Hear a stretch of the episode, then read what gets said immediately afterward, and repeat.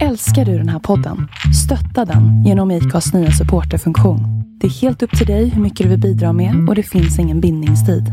Klicka på länken i poddbeskrivningen för att visa din uppskattning och stötta podden.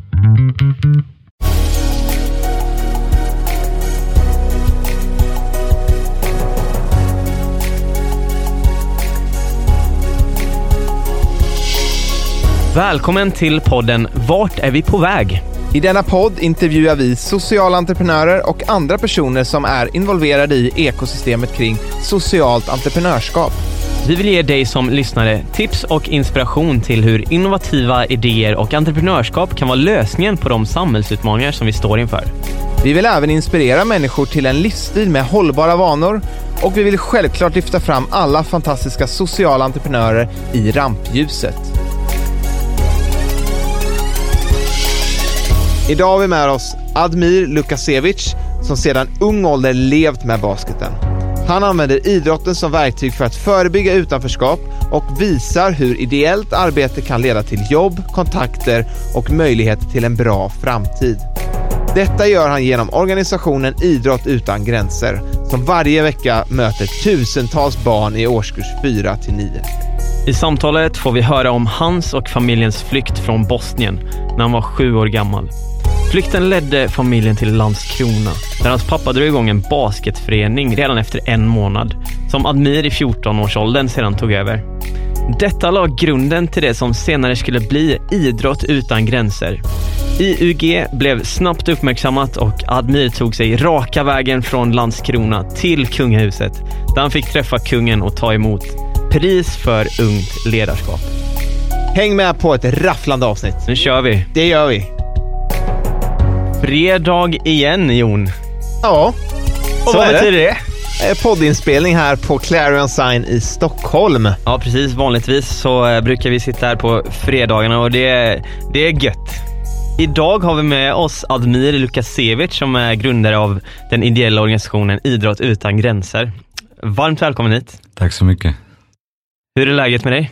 Det är bra tack. Det är bra tack. Jag kom ganska tidigt till Stockholm och sen så tog jag en liten promenad just för att få lite fresh air och eh, inte stressa inför den fredagen. Och sen eh, försöka göra så gott jag kan, eh, göra jobbet klart och åka hem till kidsen och frugan. Nice. Det är bra. Vart kommer du ifrån? Norrköping. Norrköping. Hur är vardagen i Norrköping? Ja, det, är, det är ganska precis som här alltså. Skönt, eh, skönt och mysigt. Hur ser en typisk dag ut för dig, Admir? Det är olika och det är det som är bra, det är att olikheter är en styrka. Eh, det kan vara allt från att åka så här 6.24 med tåget till Stockholm och sen ha möte efter möte och olika slags möte. Allt från eh, att vara på slottet ena dag till att träffa kidsen och unga ledare andra dag. Eh, så det är lite olika med dag för dag. Just det här att eh, att även en ung grabb eller ung ledare kan faktiskt variera sin vardag. Och det är viktigt just att eh, bryta ibland fördomarna. Så att eh, i och med att jag tog ju det här stipendiet 2008 med Konungens ungt ledarskap, så kan det ibland bli att man åker eh, iväg till eh, någon workshop eller så. Vad trivs du bäst med att göra? Är det att vara på slottet eller vara med kidsen? Helt ärligt med kidsen alltså. det är där man hör hemma också alltså. Så att eh, det är skönt. Alltså slottet all ära, kungen all ära, och, eh, men eh, kidsen är kids. Men eh, berätta kort, vad, vad gör ni med Idrott utan gränser? Det som Idrott utan gränser gör är att vi kan se att det finns många barn i Sverige som inte ser möjligheter för framtiden och oftast är de inte sedda bekräftade. Det leder till låg självkänsla, självförtroende, men också att lyckas i skolan, nå gymnasiet och framförallt senare hitta ett jobb. Om de inte hittar ett jobb är risken stor att de hamnar i destruktiva kretsar. Så vad vi gör är att vi fokuserar på kids i årskurs 4 till 9, fångar upp dem genom att introducera och matcha läroplanen och då går vi in på idrottslektioner och introducerar aktiviteter. Det som händer är att vi skapar kontakt med kidsen, en grym relation och då kan vi enkelt påverka dem även efter skolan, på raster, lov och sommaren. Vi ska återkomma till eh, IUG lite senare här i vårt eh, samtal och djupdyka lite mer. Berätta, du är uppväxt i Landskrona. Hur, hur såg den tiden ut? Ja, allt började med att när jag var sju år gammal så, eh, så var jag hemma i Bosnien eh, och så plötsligt så ringde någon på dörren.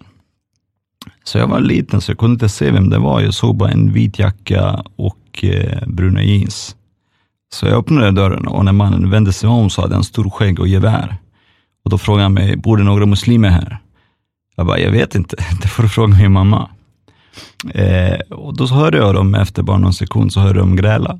Då sa han bara, ni har fem minuter, annars kommer jag skjuta er allihopa. Och jag kommer ihåg, mamma stängde dörren, vi började packa, eh, jag började packa pappas medicin för att han är hjärtsjuk. Eh, och tänkte, vi, vi drar. Så vi lämnade hela lägenheten och allt. Bodde hos farmor eh, i några månader. Och då, den tiden då, just det med krig, så var det ju det här mycket med, du vet, du kunde inte gå till affären vanligt, utan det var ju typ handla och sen hålla dig inomhus framför allt. I alla fall i början. Sen när väl hela det här med kriget, så då blir du van. Alltså jag vet att även när det var krig och sånt, när man hör sirener, alltså larm, då springer man in bara. Men det var ganska så här, okej okay, därefter. Men i alla fall, så hos farmor så åt vi så här halvskiva bröd med lite olja och lite peppar. Och sen så halvskiva bröd och lite olja och lite socker som dessert. Eh, och så kom pappa en dag och sa han, det finns en väg ut, det finns en väg ut. Så han sålde bilen för fyra bussbiljetter och då var vi på väg. Och precis innan själva, själva alltså om man tänker sig att busstationen är 400 meter, så det fanns en korsning precis innan. Och under kriget då så var det två olika vans, alltså sådana här kombis, ena blå och ena röd. Och om den blåa fångade, då ofta det till frontlinjen för att eh, män och pojkar ska kriga. Och precis då innan busstationen på den här, eh, på väg till busstationen, så kommer den här blåa, eh, blåa kombin. Soldaterna kommer ut och frågar oss, vart är ni på väg? Jag kommer ihåg, alltså, jag var ändå sju år gammal, men du vet, mitt i gatan står vi där och gråter och gråter och gråter. Och bara släpp snälla, min pappa är sjuk, min pappa är sjuk. Eh, och på något sätt så släpper de oss. Mm. Eh, på väg in till eh, bussen och det är inte så du får en plats, utan alla får in i bussen och that's it. Och eh, därefter så, precis innan gränsen till Kroatien, i och med att det var så mycket folk i bussen, så blir pappa döende. Han är hjärtsjuk, han, det är för dåligt luft där inne och han håller på att dö. Så precis innan gränsen, folk börjar skrika, stoppa bussen, mannen håller på att dö. Eh, bussen stoppas eh, och som i en film, plötsligt kommer ljus. Och det var en UNHCR-jeep. Och den UNHCR-jeepen kommer soldater in och frågar vad är det som händer. Folk säger mannen håller på att dö. Så de tar hela vår familj in till den jeepen och in till sjukhuset. Wow. Och sen fick vi höra just att eh, att pussen blev torterad och det blev lite svårt vid gränsen. Så som pappa brukar säga är just det, att han hade tur att han blev döende, annars skulle vi inte ens kunna komma fram. Och därefter så var det Kroatien, Ungern, Polen och då sa de, de jag vet det är så här, folk börjar snacka, det finns båt i Sverige. Vi hoppar på båten, vi kommer till Landskrona. Eh, alla invandrare under 90-talet skulle bosätta sig i Landskrona, vilket skapade att det blev ganska stor segregation. Jag gick i en grundskola som var 90 procent invandrarbarn och att möjligheten att kunna lyckas, det var väldigt få på grund av att om du tittar runt omkring dig så är nästan alla likadana. Och där började själva idén frodas. Det här att min räddning blev basket, att eh, genom idrotten så såg jag just vilken kraft den hade. Nelson Mandela brukar säga just det här, sport has the power to change the world. Eh, och sen så säger han också där att den har också kraften att kunna bryta ner barriärer som finns. Eh, allt från rasism till allt annat. Och det tror jag stenhårt på. Eh, så det var, det var där hela min, alltså, hela bakgrunden och allt det här började kan man säga. Hur var det för familjen att, att göra den här resan, komma till Sverige och någonstans slå sig till ro här? Hur, hur var den processen för er? Alltså den är ju ganska traumatiserad. Jag menar, jag kommer ihåg att när jag var liten så Alltså jag hade en resurslärare med mig som gick med en macka varje dag och tvingade mig att äta den mackan. Och jag ville inte umgås med någon, jag ville bara vara för mig själv och det var väldigt, väldigt svårt. Eh, och det gör ju också du vet, att barnen som vi möter idag, du vet, som kommer från liknande situationer, är det enklare att bemöta, för jag har varit där. Jag vet hur det är att inte ha mat på bordet etc. eller komma med trauma och så. Eh, så det var, det var ganska en tuff period. Men samtidigt, en månad efter vi kom till Sverige, så pappa visste att han kunde inte jobba på grund av att han är just eh, hjärtsjuk. Eh, men han sa, jag kan inte sitta hemma. Sen startade en basketförening en månad efter vi kom till Sverige. Och eh, fick han en an, ansökan, blankett för att fylla i vad, vad basketföreningen ska heta och allt annat på svenska. Och allt fick man skriva för hand innan. Och då skrev han Bosna LA Landskrona. eh, och LA förkortade han då, Landskrona. Men grejen är att bara för att vi hette Bosna Basket då, så hade vi fått så himla mycket hinder, motstånd och allt annat. Eh, folk såg oss aldrig som en basketförening, utan vi var en invandrarförening i mångas ögon. Om vi åkte på matcherna och vi hade mörka tröjor istället för ljusa, då fick vi böta 10 000 spänn. Eh, jag kommer ihåg att när vi åkte till Osby så var polisen bakom och följde efter oss, för de sa att vi skulle bara eskortera bort från eh, stan. Eh, jag kommer ihåg just det här med att coachen körde två gånger i rundellen. Så körde polisen två gånger i rundellen. Och sen, eh, ja, det är så här, många utmaningar, men det är också det som har just stärkt både mitt lärarskap och eh, hela resan framåt. Hur var skolan för dig?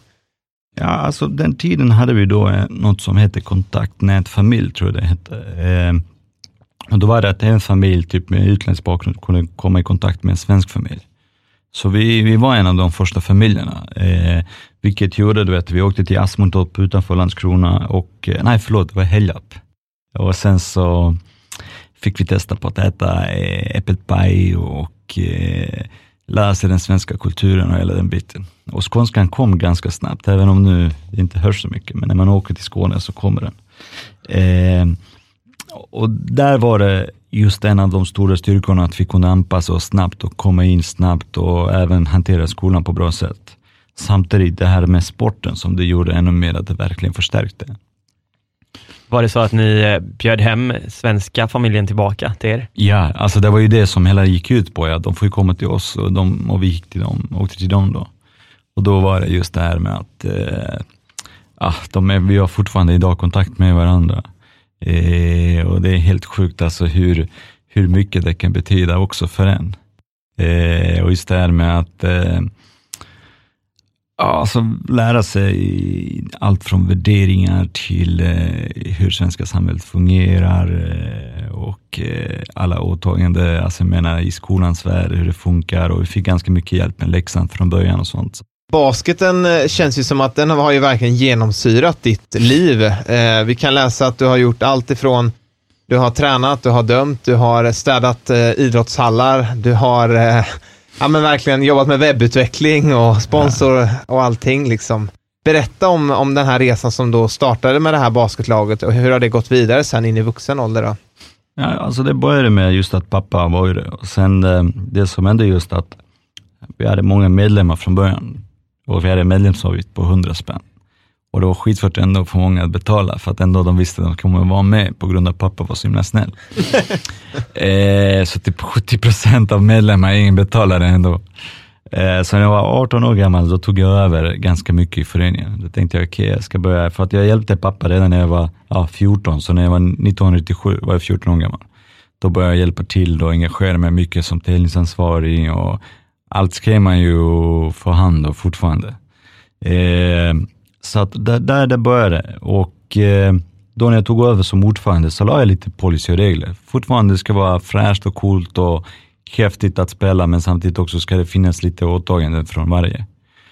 Eh, och där började det hela, men eh, då var det att jag tänkte jag måste ha någonstans att luta mig tillbaka till, så jag började studera på Lund. Eh, och där studerade jag eh, något som heter kultur och, inriktnings, alltså kultur och fritidsinriktningsprogrammet. Eh, och så fort jag slutade skolan, då gick jag direkt i hallen. Och då var det att coacha sex lag. Eh, sen efter gick man hem, eller så kom man tillbaka för man ska städa hallen. För att det var vissa som kom in på grund av att de inte hade något att göra.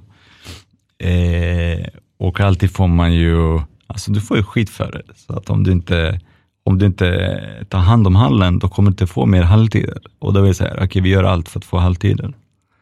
Och sen så, man tvättade kläder, man eh, körde kidsen.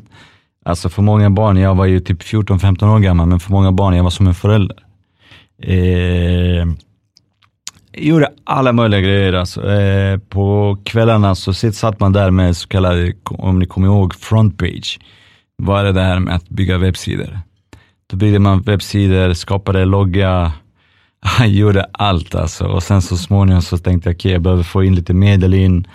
Skulle träffa alla möjliga sponsorer där nere, fick nej efter nej efter nej. Eh, jag fattade aldrig grejen alltså. Jag, jag kommer inte ihåg ens hur jag pitchade, men jag vet bara att jag fick bara nej efter nej efter nej efter nej efter nej. Eh, på lördagar, framförallt lördagar klockan sju till nio. Där, nu kom det sjua.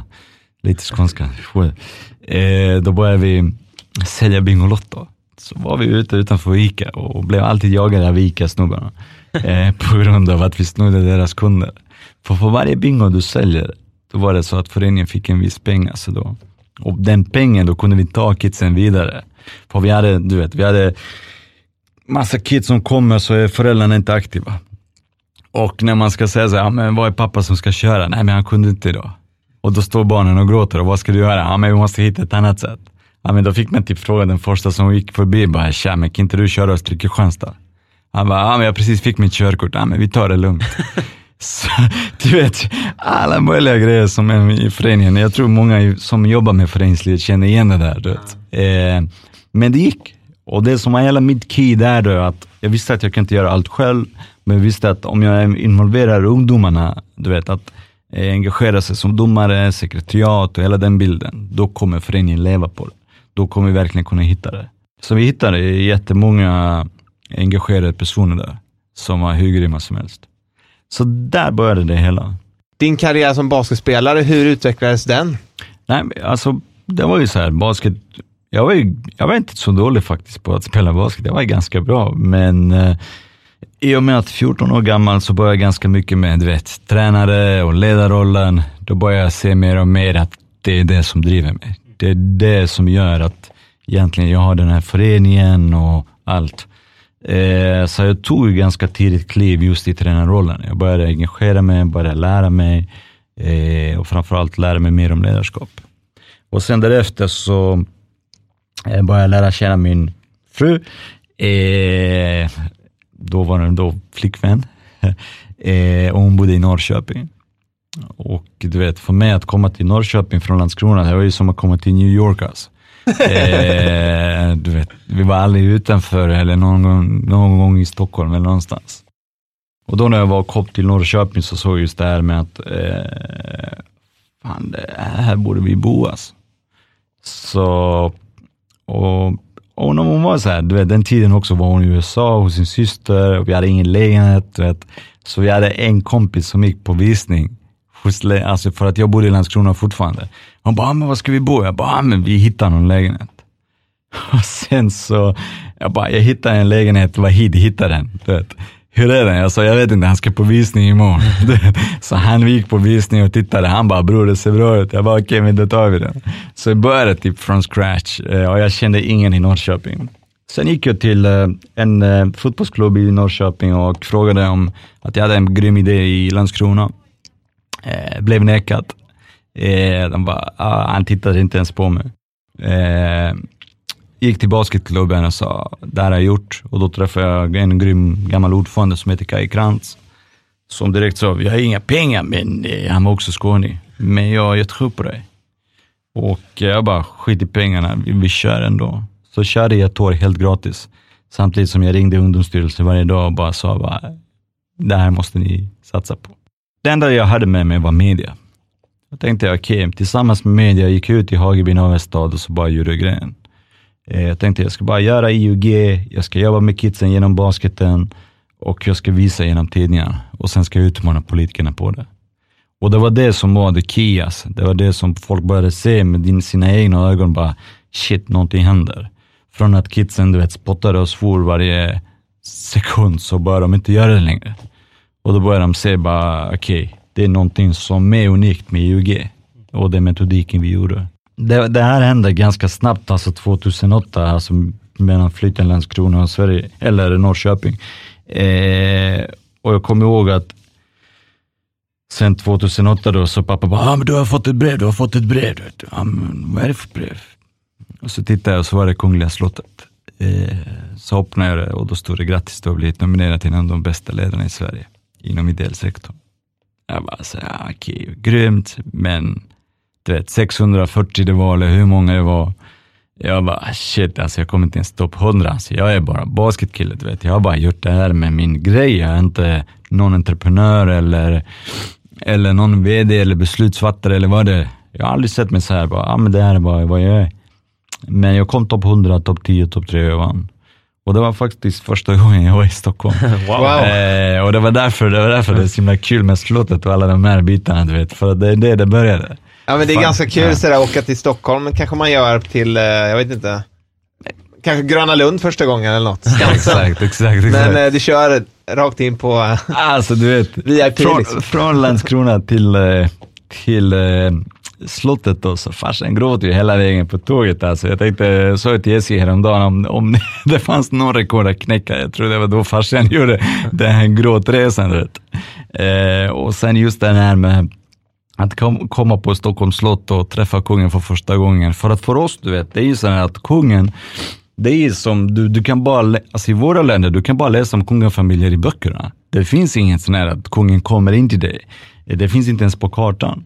Eh, och så plötsligt, du vet, du står ju där, du skakar hand med honom och så blir det möjligt. Och det är just en av anledningarna att även när vi började i Södertälje och även i Norrtälje, så invigde kungen, eller prinsparet i Norrtälje då, så invigde de vår verksamhet. När du var där i Norrköping och eh, kom på idén till eh, Idrott utan gränser just, vad var det som eh, gjorde att du kom på den här idén, liksom lämna föreningen i Landskrona och köra vidare på en ny grej? Hur kom det till? Alltså grejen är, det var ju samma grej redan från scratch. Eh, det enda är att vi hette innan Basket utan gränser. Så i Landskrona vad vi gjorde var att där hade vi en utmaning att alla invandrare var i centrum medan alla svenskar började fly från centrum. Så att alla svenskarna, om du ville träffa svenskar då, då var det typ Asmortorp, Hälldalp, Glumslov, alla de här byarna. Så vad vi gjorde då var att vi började också jobba exakt samma som vi jobbar nu med IUG, alltså på idrottslektioner. Fast vi gick, vi gick ut till skolorna utanför Landskrona. Så att när kidsen väl träffade oss, då var det så här nästa steg att ta dem in till centrum och lira basket med oss. Så där, redan där så började själva idén börja frodas och, och så här. Eh, och sen när jag flyttade till Norrköping, då var det också Basket utan gränser tillsammans med Norrköping Dolphins. Så det var ju exakt samma grej, alltså typ ut i Hageby Navestad, fast utifrån en annan perspektiv då. Och sen jobba med basketen som verktyg då. Eh, och sen så var det just, kom vi till en timing 2008 tror jag, det var att många andra föreningar behövde också liknande hjälp. Hur ska vi ta oss till vägar? Man sökte stöd från kommuner, man visste inte hur och vad. Eh, och då tyckte kommunen också, ja men IUG kan, alltså Admir kanske kan hjälpa er och hur skulle vi kunna göra? Och då ändrade vi namnet från Basket utan gränser till Idrott utan gränser. Och det, det, ibland måste man tänka på det, precis det som vi gjorde då var tillsammans med inkludera eh, reason for being. Alltså typ, varför gör jag det här? Eller varför åker jag till slottet? Och sen, vad ska jag göra och hur jag ska göra egentligen? Och där, där var det där var det jätte, jätteviktigt. Alltså det är där som IUG tog det här största klivet, verkligen att jobba. Jag fick jobba två år, alltså nästan varje dag med inkludera. Bara med reason for being. Varför, hur och vad ska du göra? Så de hjälpte er att eh, liksom bli mer konkreta och lite mer, vad ska man säga, professionella kanske utifrån ett eh, affärsperspektiv. Exakt, och sen 2008 till 10 jag var ju själv anställd, alltså heltidsanställd. Och så de hjälpte mig mer att kunna, jag var en liten blomma som var på väg att blomstra men inte visste exakt du vet, vilka, vilka medel behövde jag. Så jag hade inte alls den verktygslådan som behövdes. Men jag hade drivet, jag hade passionen och jag var redo för att förändra på riktigt. Och jag kommer ihåg också det tipset som jag kan ge till entreprenörer, för att oftast när du träffar de här stora beslutsfattarna, eller de här vdarna, så är det så att du frågar efter visitkort. Så säger du så här, tja, eh, har du något visitkort jag kan mejla dig? Så säger de så här, ja ah, tyvärr du vet, jag har ingen med. Tur som så hade vi telefoner idag. Så jag sa, det är lugnt, du behöver inte ha visitkort, jag har min telefon så du kan skriva dina uppgifter här då. Eh, och det kan funka till, till många gånger faktiskt. Eh, fast en gång när jag träffade killen, eh, vad heter han, George Douglas tror jag han heter. Så här Latour-killen här som, ja, ganska mäktig. Jag visste inte, vi delade, vi satt på samma bord och eh, kungen, Eh, Gustav Douglas heter det, Gustav Douglas, just det. Han och så jag, jag visste att jag bara, bara snackade, ville vara trevlig. Och så han gav mig sitt visitkort. Så googlade jag på honom, så han var ju en av de rikaste i Sverige. Så tänkte jag, shit om jag visste det under middagsbordet, han kunde hjälpa mig ändå hur många kids som helst. Så vad jag gör, jag tar fram hans visitkort och tänkte nu ska jag ringa honom. Så ringer jag, han bara hej välkommen till växeln. Jag bara tja, det här är Admir, eh, du vet jag fick eh, Gustav där du vet. Alltså, hur stor sannolikhet att jag ska komma till Gustav den vägen du vet? Det är skitsvårt. Så ibland kan det funka, men ibland kan de ge dig en växelnummer. Vad var det du hade tänkt liksom, när du går fram till eh, Carl Johan Persson före hm vdn liksom? Vad, vad har du för mål? Vad var det du försökte pitcha in? Alltså alla mina approach jag gör, det handlar ju om IUG. Det handlar ju om att jag visste att okej, om, jag, om jag kan få mer, alltså, för vi ser ju att, att med små medel, att vi kan verkligen göra någonting stort. Och ju mer partners tänkte jag vi har, desto mer kan vi göra. Jag tar gärna på mig, du vet, om det är så att eh, jag får ett nej. Men så hela den var den här strategin, okej, jag ska träffa hur många som helst och säga, det här är vad jag gör, vad kan du bidra med? Och ibland var det så här, du vet, att personer tänker att, nej men, vi kan inte bidra med pengar, men däremot, jag känner den här som skulle vara jätteintresserad av det här. Och det var också den vägen som oftast leder till, för allt handlar inte heller om pengar, utan det, det kan handla om kompetens, det kan handla om, du vet, alla andra grejer som förstärker en, en organisation. Som till exempel inkluderas arbete. Ja, de går inte in med medel eller så, men de går in med hel verktygslåda för oss att verkligen kunna bli vassare och bättre på det vad vi gör. Så en, en, en bra sammanfattning där och tips är väl egentligen att gå brett, testa, prata med många och eh, pitcha idén för alla möjliga, för man vet inte vart, vart det landar och vad det kan bidra till. Liksom. Exakt, men sen också det som är viktigt, att du ska inte hamna utanför boxen. För ibland kan det vara så att du, bara för att en aktör har mycket medel, men kanske den vill forma din organisation totalt annorlunda än vad egentligen kärnan är. Och om du går den vägen bara för att någon viftar med pengar och sen så plötsligt viftar någon annan med pengar, då blir det att du tappar egentligen, det är egentligen varför du startar en organisation. Så att eh, återigen, reason for being och när du vet varför du gör saker, då ska du egentligen få människorna bara att fatta din grej och att förstå exakt vad är deras investering går ut på. Vilken liksom åldersgrupp exakt är det ni jobbar med och liksom hur ser de strukturerna ut lite mer? Alltså målgruppen är årskurs 4 till 9.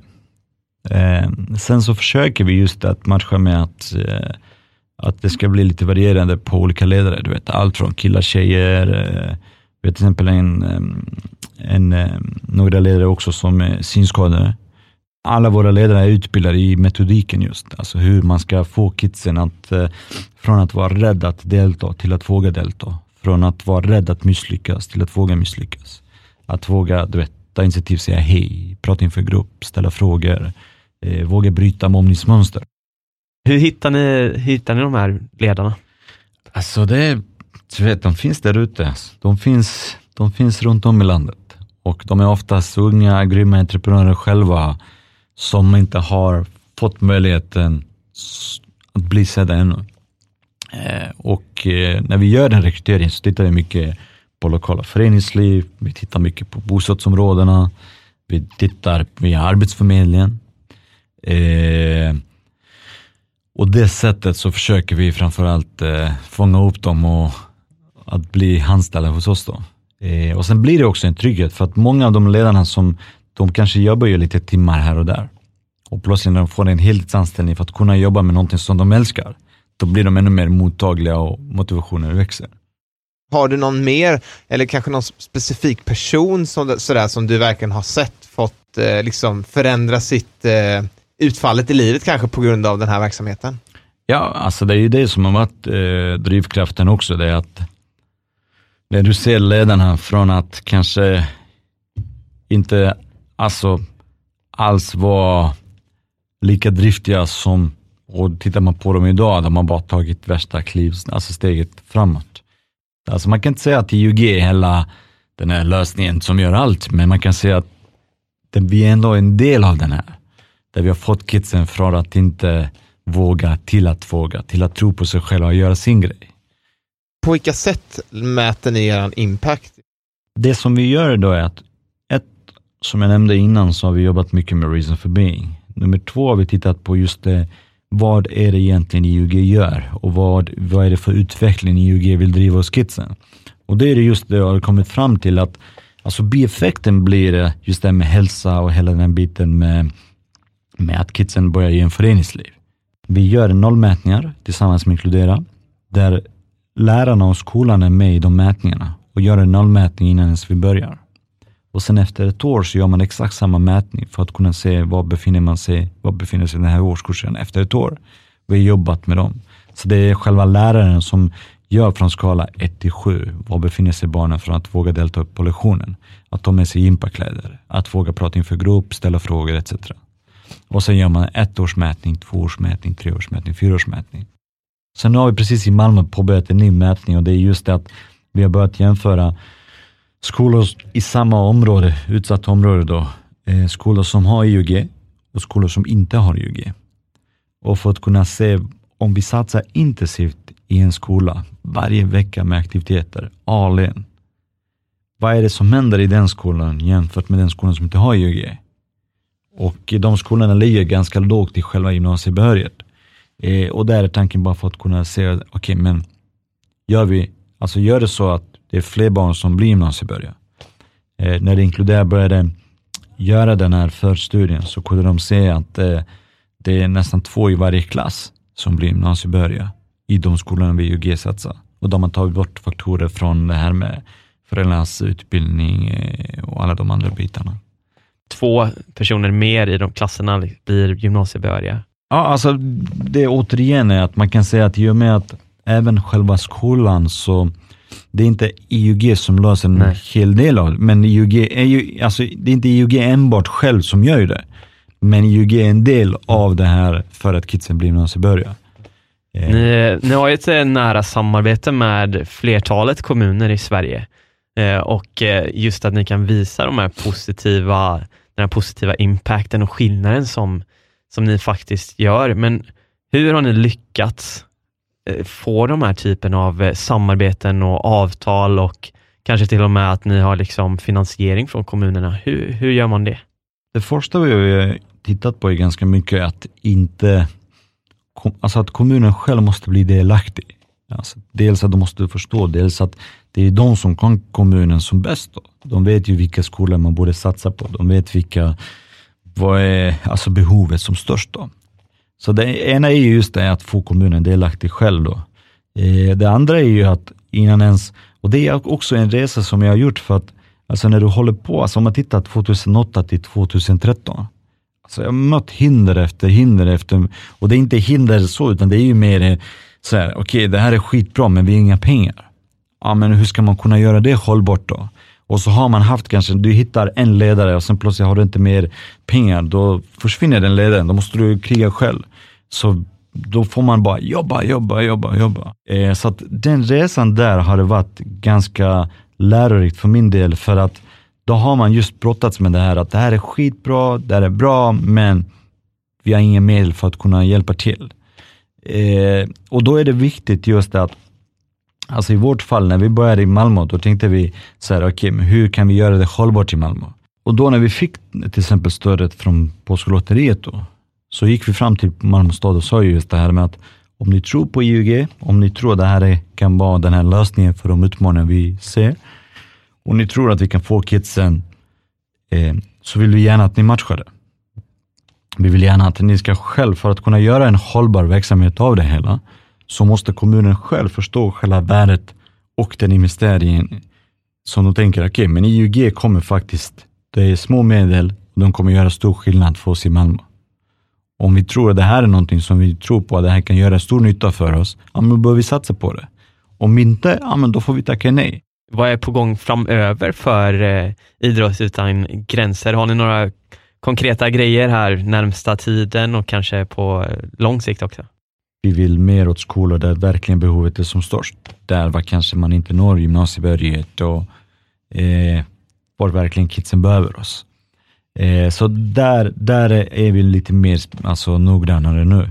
Eh, det andra är att eh, vi har varit ganska dåliga på just det här med att eh, visa digitalt vad är det vi gör? Alltså om jag, du vet alltså, jag läste, jag tror det var strax under 500 eh, citat från kidsen. Eh, som vi har fått alltså i pappersform. Typ, vad tycker du om IUG? Och vad tycker du att IUG ger till dig? Alltså, du vet, alltså de här kommentarerna, de är, de, alltså att kidsen tänker du vet på de banorna. Man, jag bara, jag går till fram till min fru, och titta nu, titta vad han skrev. Och titta, du vet, hon bara, du är så vet vad. Och jag är så glad för det, du vet, alltså de tänker ju, de tänker lika bra som vi, eller till och med bättre. Och det är det som jag vill framförallt nu under 2020, att ännu mer satsa på digitalt och verkligen eh, eh alltså få, få ut de här citaten ut till digitalt. Eh, och lägga kanske citat en om dagen. Eh, just ur kidsens perspektiv, hur de upplever IOG och hela den biten. Är. Så den här digitaliseringsbiten, det är det som eh, också är en av eh, eh, målområden just för 2020.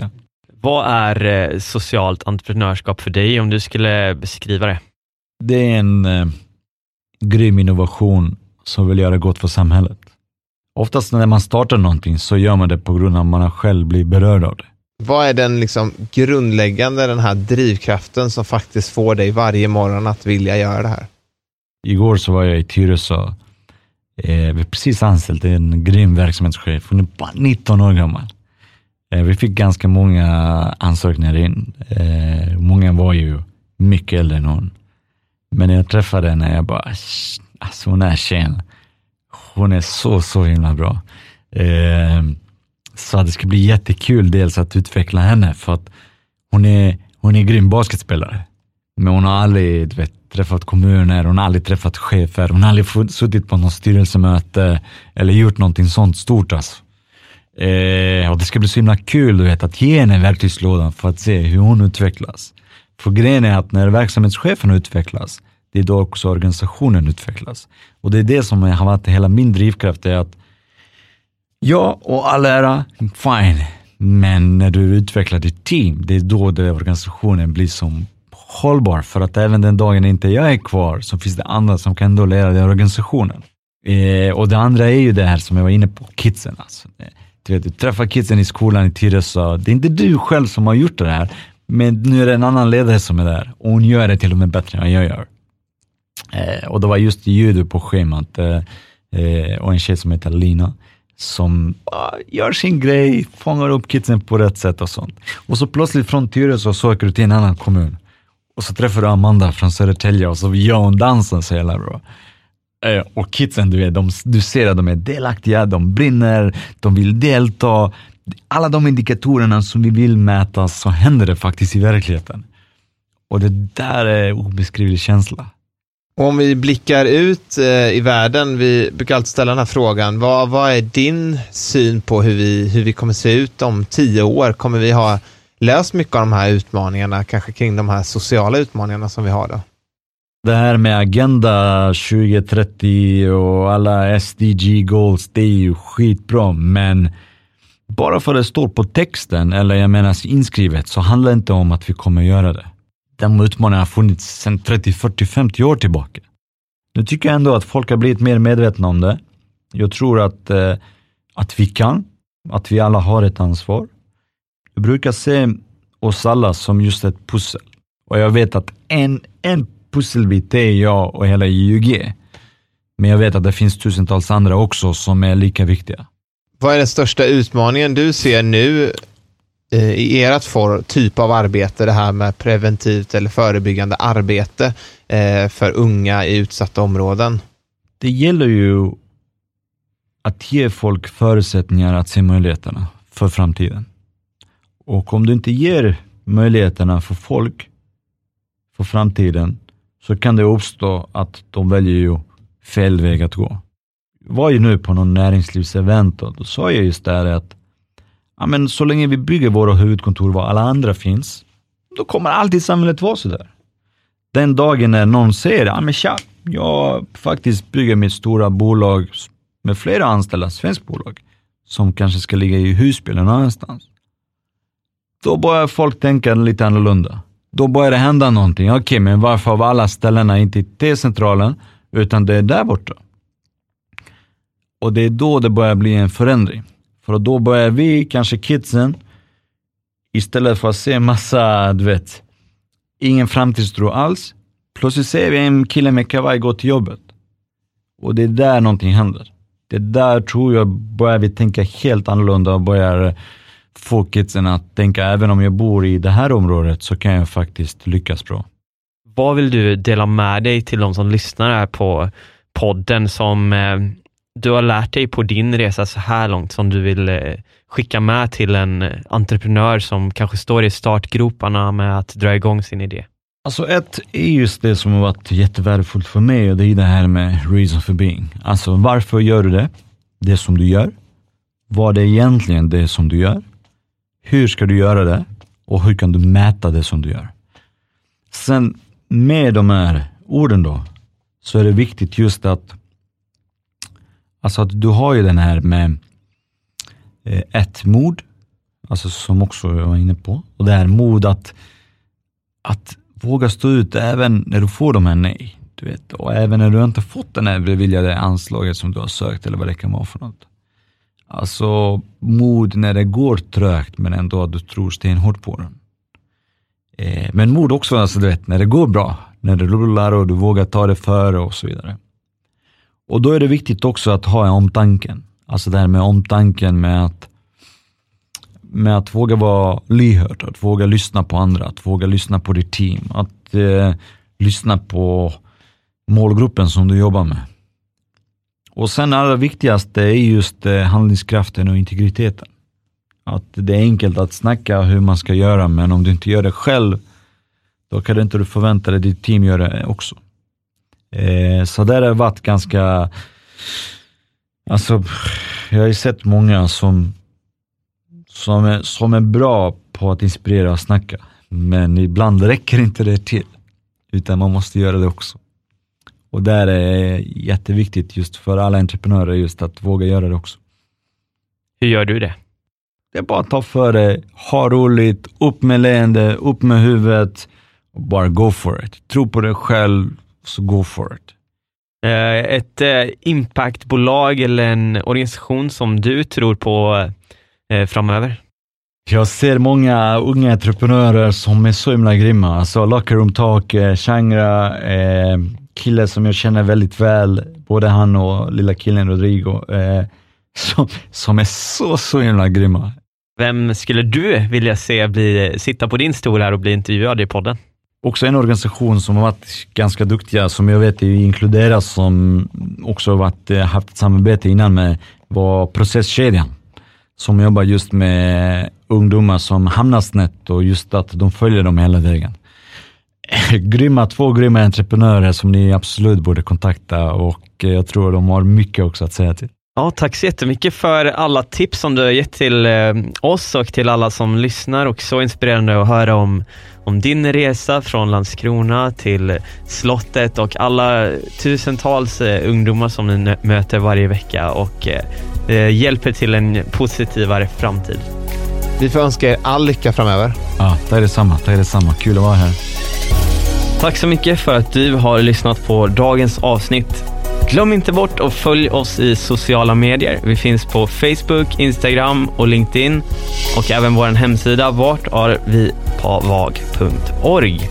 Och om du har möjlighet får du jättegärna gå in och ratea våran podd på iTunes. Yes, och för dig som vill ta del av podden ytterligare så tycker jag att du ska gå in och signa upp dig för vårt nyhetsbrev där du varje vecka får en liten kort resumé av avsnittet men också de bästa tipsen och de bästa insikterna från gästen som vi har haft med oss.